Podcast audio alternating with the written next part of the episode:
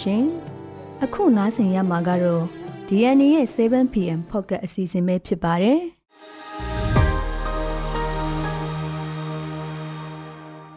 ဒီကနေ့ဇန်နဝါရီလ9ရက်နေ့ရဲ့ Focus အတန်အလွှင့်စီစဉ်မှာတော့ဝဒေတာတဲကူပါရောက်လာတဲ့ညီနောင်မဟာမိတ်တပ်တွေဆိုတဲ့တဲ့စစ်တွေမှာ၄ရက်အတွင်းဒေသခံတရာဝန်းကျင်ဖမ်းဆီးခံရတယ်ဆိုတဲ့တဲ့ဒဇယ်မှာတိုက်ပွဲမရှိဘဲဘုံကျဲချလို့ ကလေးတဦးအပါအဝင်9ဦးသေဆုံးတယ်ဆိုတဲ့တဲ့နမ်းမွေဆန်နဲ့တင်စာဝင့်ကြိုတို့ပြန်မလို့သေးဘူးဆိုတဲ့တဲ့ရာတီချင်းလုံသားခေါ်ရေးစစ်ကောင်စီနဲ့ MOU မထိုးဖို့တောင်ကိုရီးယားဌာနဆိုင်ရာတွေကိုညွှန်ကြားတယ်ဆိုတဲ့သတင်းစတဲ့ပြည်တွင်းသတင်းတွေနဲ့အတူအမေရိကန်ကျောင်းတစ်ခုမှာပြစ်ခတ်မှုဖြစ်ပြီးကျောင်းသားတဦးနဲ့တနက်သမားတေဆုံးတယ်ဆိုတဲ့သတင်းနမ်မဆုခင်နောက်ဆုံးအကြိမ်တိုင်းကန်လှည့်လည်ခဲ့တဲ့ ဒိမက်ဘီမာကြီးစတဲ့နိုင်ငံတကာသတင်းတွေကိုနားဆင်ရမှာဖြစ်ပါတယ်ရှင်ဒီအစီအစဉ်ကိုတော့ကျမစိမ့်နဲ့အတူမှတ်တမ်းခန်းကတင်ဆက်ပေးပါမယ်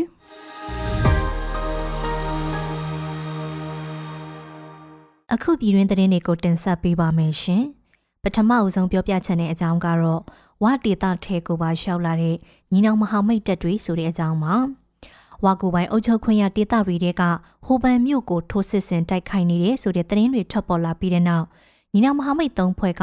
ဝဒေတာထဲကနေမြေတချို့မှာပါနေမြေရှင်းလင်းရေးလုပ်မယ်လို့ဒီကနေ့မှထုတ်ပြန်ပါတယ်။ရှမ်းမြောက်30-20ခွန်စစ်စင်ရေးမှာဘက်ဘက်ကမှဝင်မပါဘူးလို့ကြေညာထားတဲ့ UWSA ဝတပ်ဖွဲ့ထိန်းချုပ်ဒေသထဲကဟိုပန်ပန်လုံးတာကောအပ်မက်မိုင်ဆိုင်နဲ့မော်ဖဒေသတွေမှာ စစ်ကောင်စီနဲ့လက်အောက်ခံပြည်သူစစ်တွေထွက်ပြေးတင်းရှောင်ကလက်နက်စစ်အင်အားဖြစ်တင်မှုတွေလုပ်နေတယ်လို့ညီနောင်သုံးဖွဲ့ကဆိုပါတယ်။တိုက်ပွဲတွေကနေစခန်းဆွန့်ခွာထွက်ပြေးသွားကြတဲ့စစ်ကောင်စီတပ်ဖွဲ့ဝင်တွေဟာစခန်းအနီးပတ်ဝန်းကျင်တန်လွင်မြစ်ကြောင်းတရှောင်းနဲ့လူနေမြို့ရွာတွေအနီးပတ်ဝန်းကျင်မှာအစုလိုက်စုဖွဲ့တဲ့ပုံစံနဲ့ပြန့်ကျဲရှိနေကြတာဟာပြည်သူတွေအတွက်ရောမဟာမိတ်တပ်ဖွဲ့ဝင်တွေအတွက်ပါအန်ဒီရဲများတယ်လို့ထုတ်ပြန်ချက်မှာဖော်ပြထားပါတယ်။ ဒါအပြင်စကောင်စီလက်အောက်ခံပြည်သူစစ်တချို့ရဲတပ်ဖွဲ့ဝင်အွန်လိုင်းလောင်းကစားနဲ့လိမ်လည်မှုလုပ်သူတွေစက်ကောင်စီတက်တွေအကာအကွယ်ပေးထားတဲ့မိုးရစီရောင်းဝယ်သူတွေဟာလည်းစက်ကောင်စီတက်တွေနဲ့အတူထွက်ပြေးတင်းရှောင်နေကြတယ်လို့ဆိုပါတယ်။အဲ့ဒီအဖွဲ့အစည်းတွေထွက်ပြေးခိုးအောင်နေတဲ့နေရာတွေမှာလိုက်လံဖမ်းဆီးတာနေမြေရှင်းလင်းတာတွေဆက်လုပ်သွားမယ်လို့ညီနောင်မဟာမိတ်သုံးဖွဲ့ရဲ့ထုတ်ပြန်ချက်မှာဖော်ပြထားပါတယ်။ လက်ရှိမြေပြင်သတင်းတွေအရညီနောင်မဟာမိတ်သုံးဖွဲ့ဟာလောက်ကင်မြို့ကိုသိမ်းပိုက်နိုင်ဖို့အတွက်နောက်ဆုံးချန်နေတဲ့စစ်ကောင်စီရဲ့ဒေသကုတ်ကဲရေးစစ်ဌာနချုပ်ဓာကစကိုသိမ်းပိုက်နိုင်ခဲ့တယ်လို့ဟိုဘန်မြို့ကိုလည်းဆက်လက်ထိုးစစ်ဆင်နေတယ်လို့သိရပါတယ်။လောက်ကင်တကစထဲကျန်နေတဲ့စစ်ကောင်စီတပ်ဖွဲ့ဝင်တွေက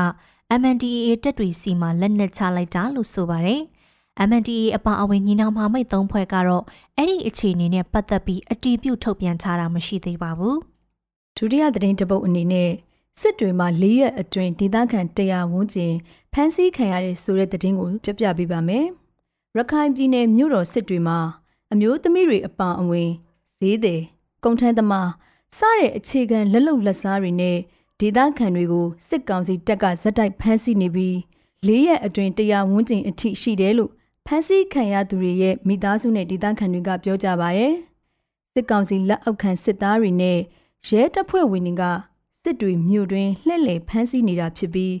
ဇန်နဝါရီ၁ရက်နေ့ကနေမနေ့က၄ရက်နေ့အထိ၄ရက်အတွင်းစစ်တွေမြို့ပေါ်ရွှေပြားကယ်ဆယ်ရေးရက်ကွက်တွေကလူတရာလောက်ကိုဖမ်းဆီးခဲ့တာလို့ဆိုပါတယ်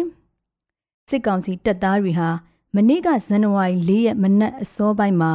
စစ်တွေမြို့ရွှေပြားစိတ်ကမ်းကိုရောက်လာပြီးဈေးရောက်နေတဲ့ဈေးသည်တွေစိတ်ကမ်းမှာကုန်တင်ကုန်ချလုပ်နေတဲ့အလုတ်သမားတွေဆက်လေသမားတွေ စုစုပေါင်း60ဝန်းကျင်ကိုဖမ်းဆီးခဲ့တာလို့မျက်မြင်ဒေသခံတွေကပြောကြပါဗျ။ဒါအပြင်မနေ့ကမနက်ပိုင်းမှာပဲစစ်တွေမြို့ကယ်ဆယ်ရေးရက်ကွက်ဘက်ကနေမြို့တွင်းအဝင်ဆက်ရိုးကြတရားအနီးလမ်းဆောင်ကနေလေလမ်းသွားလမ်းလာအလုတ်သမားတချို့ကိုဖမ်းဆီးခဲ့တယ်လို့ဒေသခံတွေကပြောကြပါဗျ။အဲ့ဒီအရက်သားတွေကိုဘာကြောင့်ဖမ်းဆီးရဲဆိုတဲ့အကြောင်းပြချက်နဲ့ဗမာချုံနှောင်ထားတဲ့ဆိုတာတွေကိုမသိကြရသေးဘူးလို့မိသားစုနဲ့နှီးဆက်သူတွေကပြောကြပါဗျ။ စစ်ကောင်စီတပ်ဟာပြီးခဲ့တဲ့ဇန်နဝါရီလ၁ရက်နေ့ကလည်းစစ်တွေမြို့ကယ်ဆယ်ရေးရက်ကွက်မှာရှိတဲ့လူနေအိမ်တွေထဲဝင်ရောက်ပြီးအမျိုးသမီးကလေးငယ်တွေအပါအဝင် လူ30ကျော်ကိုဖမ်းဆီးသွားခဲ့တယ်လို့လည်းဆိုကြပါဗျ။အဲ့ဒီလိုစစ်တွေမြို့တွင်ဖမ်းဆီးမှုတွေလုပ်နေတဲ့အထက်စစ်ကောင်စီလက်အောက်ခံစစ်တပ်နဲ့ရဲတို့အပြေဒေါ်စောမြရာဇာလင်းဦးဆောင်တဲ့ရခိုင်ပြည်လွတ်မြောက်ရေးပါတီ ALP အဖွဲ့ဝင်တွေလည်းပါဝင်တာတွေ့ရတယ်လို့ စစ်တွေမြို့ကန်တွေကပြောပါတယ်။ဆက်လက်ပြီးပြောပြချက်တဲ့အကြောင်းကတော့ဒစိမှာတိုက်ပွဲမရှိဘဲပုံကျဲချလို့ခလီတအူအပါအဝင်9ဦးသေဆုံးနေဆိုတဲ့အကြောင်းပါ။သကိုင်းတိုင်းတဆေမြို့အနောက်ချမ်းမှာရှိတဲ့စိန်နန်းကျေးရွာကိုမနေ့ညနေ3နာရီလောက်မှာစစ်တပ်ကတိုက်ပွဲမရှိဘဲ Jet Fighter လေယာဉ်နဲ့ပေါင်900ဘုံနှလုံးကျဲချခဲ့တာကြောင့်ခလင်းငယ်တူအပါအဝင်ဒေသခံ9ဦးသေဆုံးပြီး ဂျန်ယာရသူတွေလည်းရှိတယ်လို့လုံခြုံရေးအရာအမည်မဖော်လို့တဲ့ဒေသခံတူကပြောပါတယ်။ပုံကျဲတိုက်ခိုက်ခံရမှုကြောင့်သေဆုံးသွားတဲ့သူတွေဟာအသက်9နှစ်အရွယ်မောင်ထက်မြက်အောင် အသက်20ကျော်အရွယ်မက်စင်နွယ်ထွန်းနဲ့မနိုင်နိုင်ထွန်းအသက်50ကျော်အရွယ်ဒေါ်မိဖွေးနဲ့အသက်48နှစ်အရွယ်မမိုးအေးတို့ဖြစ်ပြီးတော့9ဦးလုံးနေရာမှာတင်သေဆုံးခဲ့တာလို့သိရပါဗျ။ဒါအပြင်ကြေးရအတွင်းမှာရှိတဲ့ အသက်10နှစ်အောက်ကလေးငယ်2ဦးအပါအဝင်ဒေသခံ9ဦးဟာလည်းဘုံစာထိမှန်ထိခိုက်ဒဏ်ရာရရှိခဲ့ကြပြီးတော့အသက်အန္တရာယ်စိုးရိမ်ရသူတချို့ပါဝင်တယ်လို့အထက်ပါဒေသခံကဆက်ပြောပါရယ်။ဘုံကျဲတိုက်ခိုက်မှုကြောင့်ဒေသအတွင်းမှာရှိတဲ့နေအိမ်၅လုံးဖုံကြီးကျောင်းနဲ့စားသင်းဆောင်နှစ်ဆောင်လည်းမိလောင်ပျက်စီးသွားတယ်လို့သိရပါရယ်။နောက်ထပ်သတင်းတပုတ်အနေနဲ့နမ်းမွေဆန်နဲ့တင်စာဝင့်ကျော်တို့ပြန်မလို့သေးဘူးဆိုတဲ့သတင်းကိုတင်ဆက်ပေးပါမယ်။မနေ့ကကြားရောက်တဲ့86နှစ်မြောက် လွတ်လပ်ရေးနေ့အထိမ်းအမှတ်အနေနဲ့စစ်ကောင်စီကအကျဉ်းသားတွေကိုလွတ်ငင်းချမ်းသာခွင့်ပေးခဲ့ရမှာတရုတ်ဆောင်မော်ဒယ်တွေဖြစ်တဲ့နမ်းမွေဆန်နဲ့တင်စာဝင့်ကျော်တို့လည်းပြန်လွတ်လာတယ်လို့ဖော်ပြကြတာတွေရှိပေမဲ့မိသားစုတွေဘက်ကတော့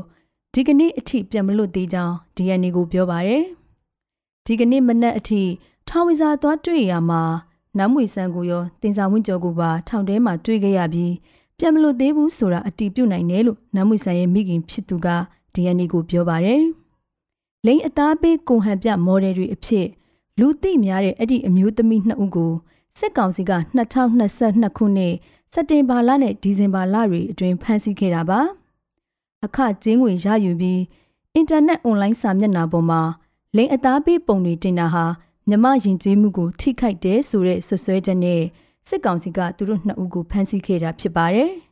အဲဒီနောက် electronic ဆက်သွယ်ဆောင်ရွက်ရေးဥပဒေနဲ့နှစ်ဦးလုံးကိုဆွဲဆိုကနမ်းမွေဆန်ကိုထောင်ဒဏ်6နှစ်တင်စာဝင်းကျော်ကိုတော့ထောင်ဒဏ်9နှစ်ချမှတ်ထားပါတယ်။86နှစ်မြောက်လွတ်လပ်ရေးနေ့အထိမ်းအမှတ်အနေနဲ့စစ်ကောင်စီဟာမနေ့ကနိုင်ငံတော်ဝန်အကျဉ်းထောင်တွေတဲကအကျဉ်းသား9600ကျော်ကိုပြန်လွှတ်ပေးခဲ့တာဖြစ်ပြီးအဲ့ဒီအထဲမှာမန္တလေးမြို့တော်ဝန်ဟောင်းဒေါက်တာရဲလွင် AR တိုင်းလူမှုရေးဝန်ကြီးဒေါက်တာလှမြတ်သွေးတို့အပါအဝင် နိုင်ငံရေးအကျဉ်းသားအနေအကျဉ်းသားပါဝင်တယ်လို့စောက်ကြည့်သူတွေကပြောထားပါတယ်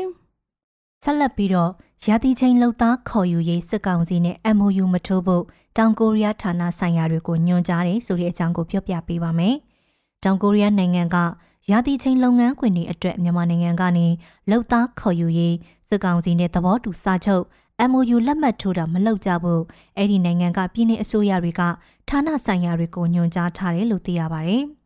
အလုတ်သမားခေါ်ယူဖို့အတွက်စစ်ကောင်စီနဲ့သဘောတူညီမှုစာချုပ်လက်မှတ်ရေးထိုးလိုက်ရင်အာဏာသိမ်းစစ်ကောင်စီကိုအစိုးရအဖြစ်အသိအမှတ်ပြုရရောက်သွားမယ်လို့ညွှန်ကြားချက်မှာဖော်ပြထားကြောင်းကိုရီးယားနိုင်ငံရောက်မြန်မာအရေးလှုပ်ရှားသူတွေကပြောပါတယ်။ဒေါ်လာဝင်ငွေရလန်တစ်ခုအနေနဲ့ပြည်ပလှုပ်သားစည်းကွက်တိုးချဲ့လိုနေတဲ့စစ်ကောင်စီဟာ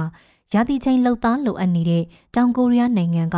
ခရိုင်မြို့တွေတာဝန်ရှိသူတွေနဲ့ဆွေးနွေးမှုတွေလုပ်ကရာသီချိန်လှုပ်သားစေလို့ရင်းနဲ့ပတ်သက်ပြီးတော့ MOU ရေးထိုးနိုင်ဖို့ပြင်ဆင်နေတဲ့နောက်အခုလိုညွှန်ကြားချက်တွေထွက်ပေါ်လာတာပါ။တောင်ကိုရီးယားနိုင်ငံကိုရာသီချိန်လှုပ်သားတွေစေလွတ်ရင်းနဲ့ပတ်သက်လို့အရင်ကမြန်မာနိုင်ငံဖက်ကခွင့်မပြုခဲ့တာဖြစ်ပြီးစစ်ကောင်စီကအလုတ်သမားဝင်ကြီးအသစ်ပြောင်းလဲခန့်အပ်ပြီးတဲ့နောက်အဲ့ဒီကိစ္စကိုပြန်စီစဉ်လာတာလို့ဆိုပါတယ်။ကိုရီးယားနိုင်ငံသားရေဝန်ကြီးဌာနအနေနဲ့မြန်မာစစ်အစိုးရရဲ့အလုတ်သမားဝင်ကြီးဌာနကပါဝင်ပတ်သက်တဲ့နားလည်မှုစာချွန်လွှာ MOU ရေးထိုးမယ်ဆိုရင် စစ်ကောင်စီကိုအစိုးရအဖြစ်သွယ်ဝိုက်ပြီးတော့အသိအမှတ်ပြုတဲ့သဘောတက်ရောက်နိုင်တာကြောင့်အထူးသတိထားရမယ်ဆိုတဲ့အမြင်ရှိတယ်လို့လည်းကိုရီးယားနိုင်ငံတွင်ညွှန်ကြားစာမှာဖော်ပြထားပါတယ်။အဲဒါကြောင့်ငါးလုပ်ငန်းအရင်အမြင့်ဦးစီးဌာနနဲ့မြို့ခရိုင်အသီးသီးအနေနဲ့အဲ့ဒီအချက်ကိုသတိပြုဖို့နဲ့မြန်မာစစ်အစိုးရနဲ့နားလည်မှုစာချွန်လွှာ MOU ရေးထိုးခြင်းကိုရှောင်ကျဉ်ဖို့မြစ်တာရက်ခံနေဆိုပြီးဖော်ပြထားပါတယ်။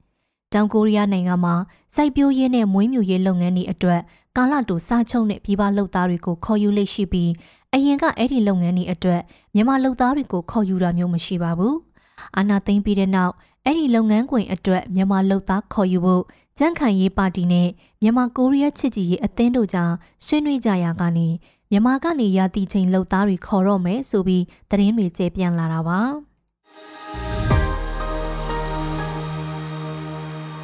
အခုဆက်လက်ပြီးတော့နိုင်ငံတကာသတင်းတွေကိုစိမ့်ကတင်ဆက်ပေးပါမယ်ရှင်။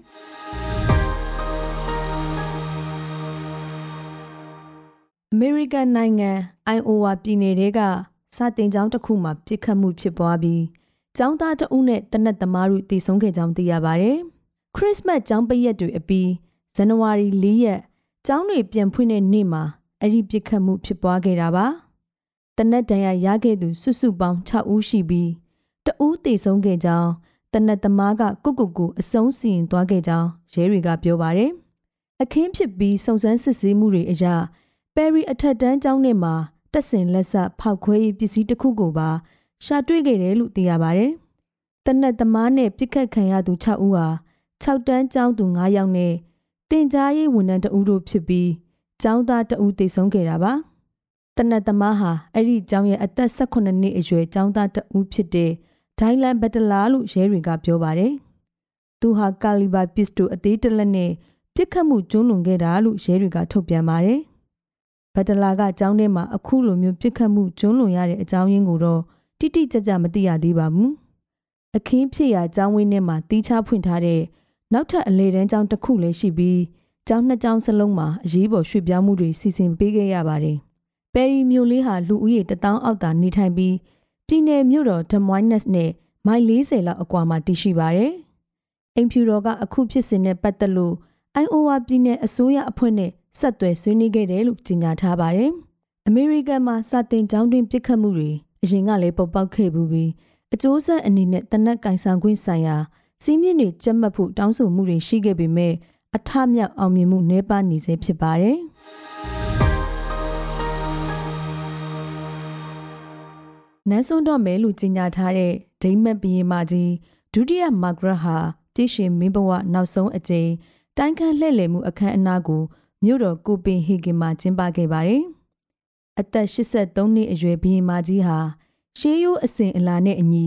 မြင်းဖြူ6កောင်ဆွဲတဲ့ရွှေရောင်ရထားလုံးပေါ်မှာလိုက်ပါရင်းကိုပင်ဟေဂင်မြို့ကန်တွေကိုဇန်နဝါရီ၄ရက်မှာနှုတ်ဆက်နေခဲ့တာတွေ့ရပါတယ်။ဒိမတ်တော်ဝင်မိသားစုရဲ့တတ်မှတ်ချက်တွေအရ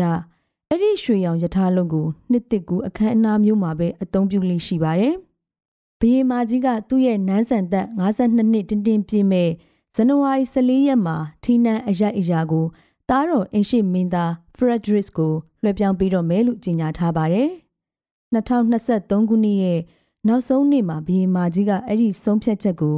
တရားဝင်ထုတ်ပြန်ခဲ့တာဖြစ်ပြီးဒိမတ်ပြည်သူတွေသာမကပဲ တခြားဥရောပတော်ဝင်မိသားစုတွေအတွက်ပါအံ့ဩစရာဖြစ်ခဲ့ပါတယ်။ဒိမတ်မှာတော့ဘီယေမာကြီးကိုနိုင်ငံရဲ့မိခင်ကြီးလို့သတ်မှတ်ခံယူထားတဲ့ပြည်သူတွေအများအပြားရှိနေပြီးအခုဆုံးဖြတ်ချက်အပေါ်နှမျောတတဖြစ်နေကြပါတယ်။ဒိမတ်ဟာစီးမြင့်ခံဘရင်စနစ်ကျင့်သုံးတဲ့နိုင်ငံတစ်ခုဖြစ်ပြီးတော်ဝင်မိသားစုတွေဟာနိုင်ငံရေးဩဇာမရှိသလိုပါတီနိုင်ငံရေးနဲ့မဆက်ဆက်ဖို့အခြေခံဥပဒေအရတားမြစ်ထားပါတယ်။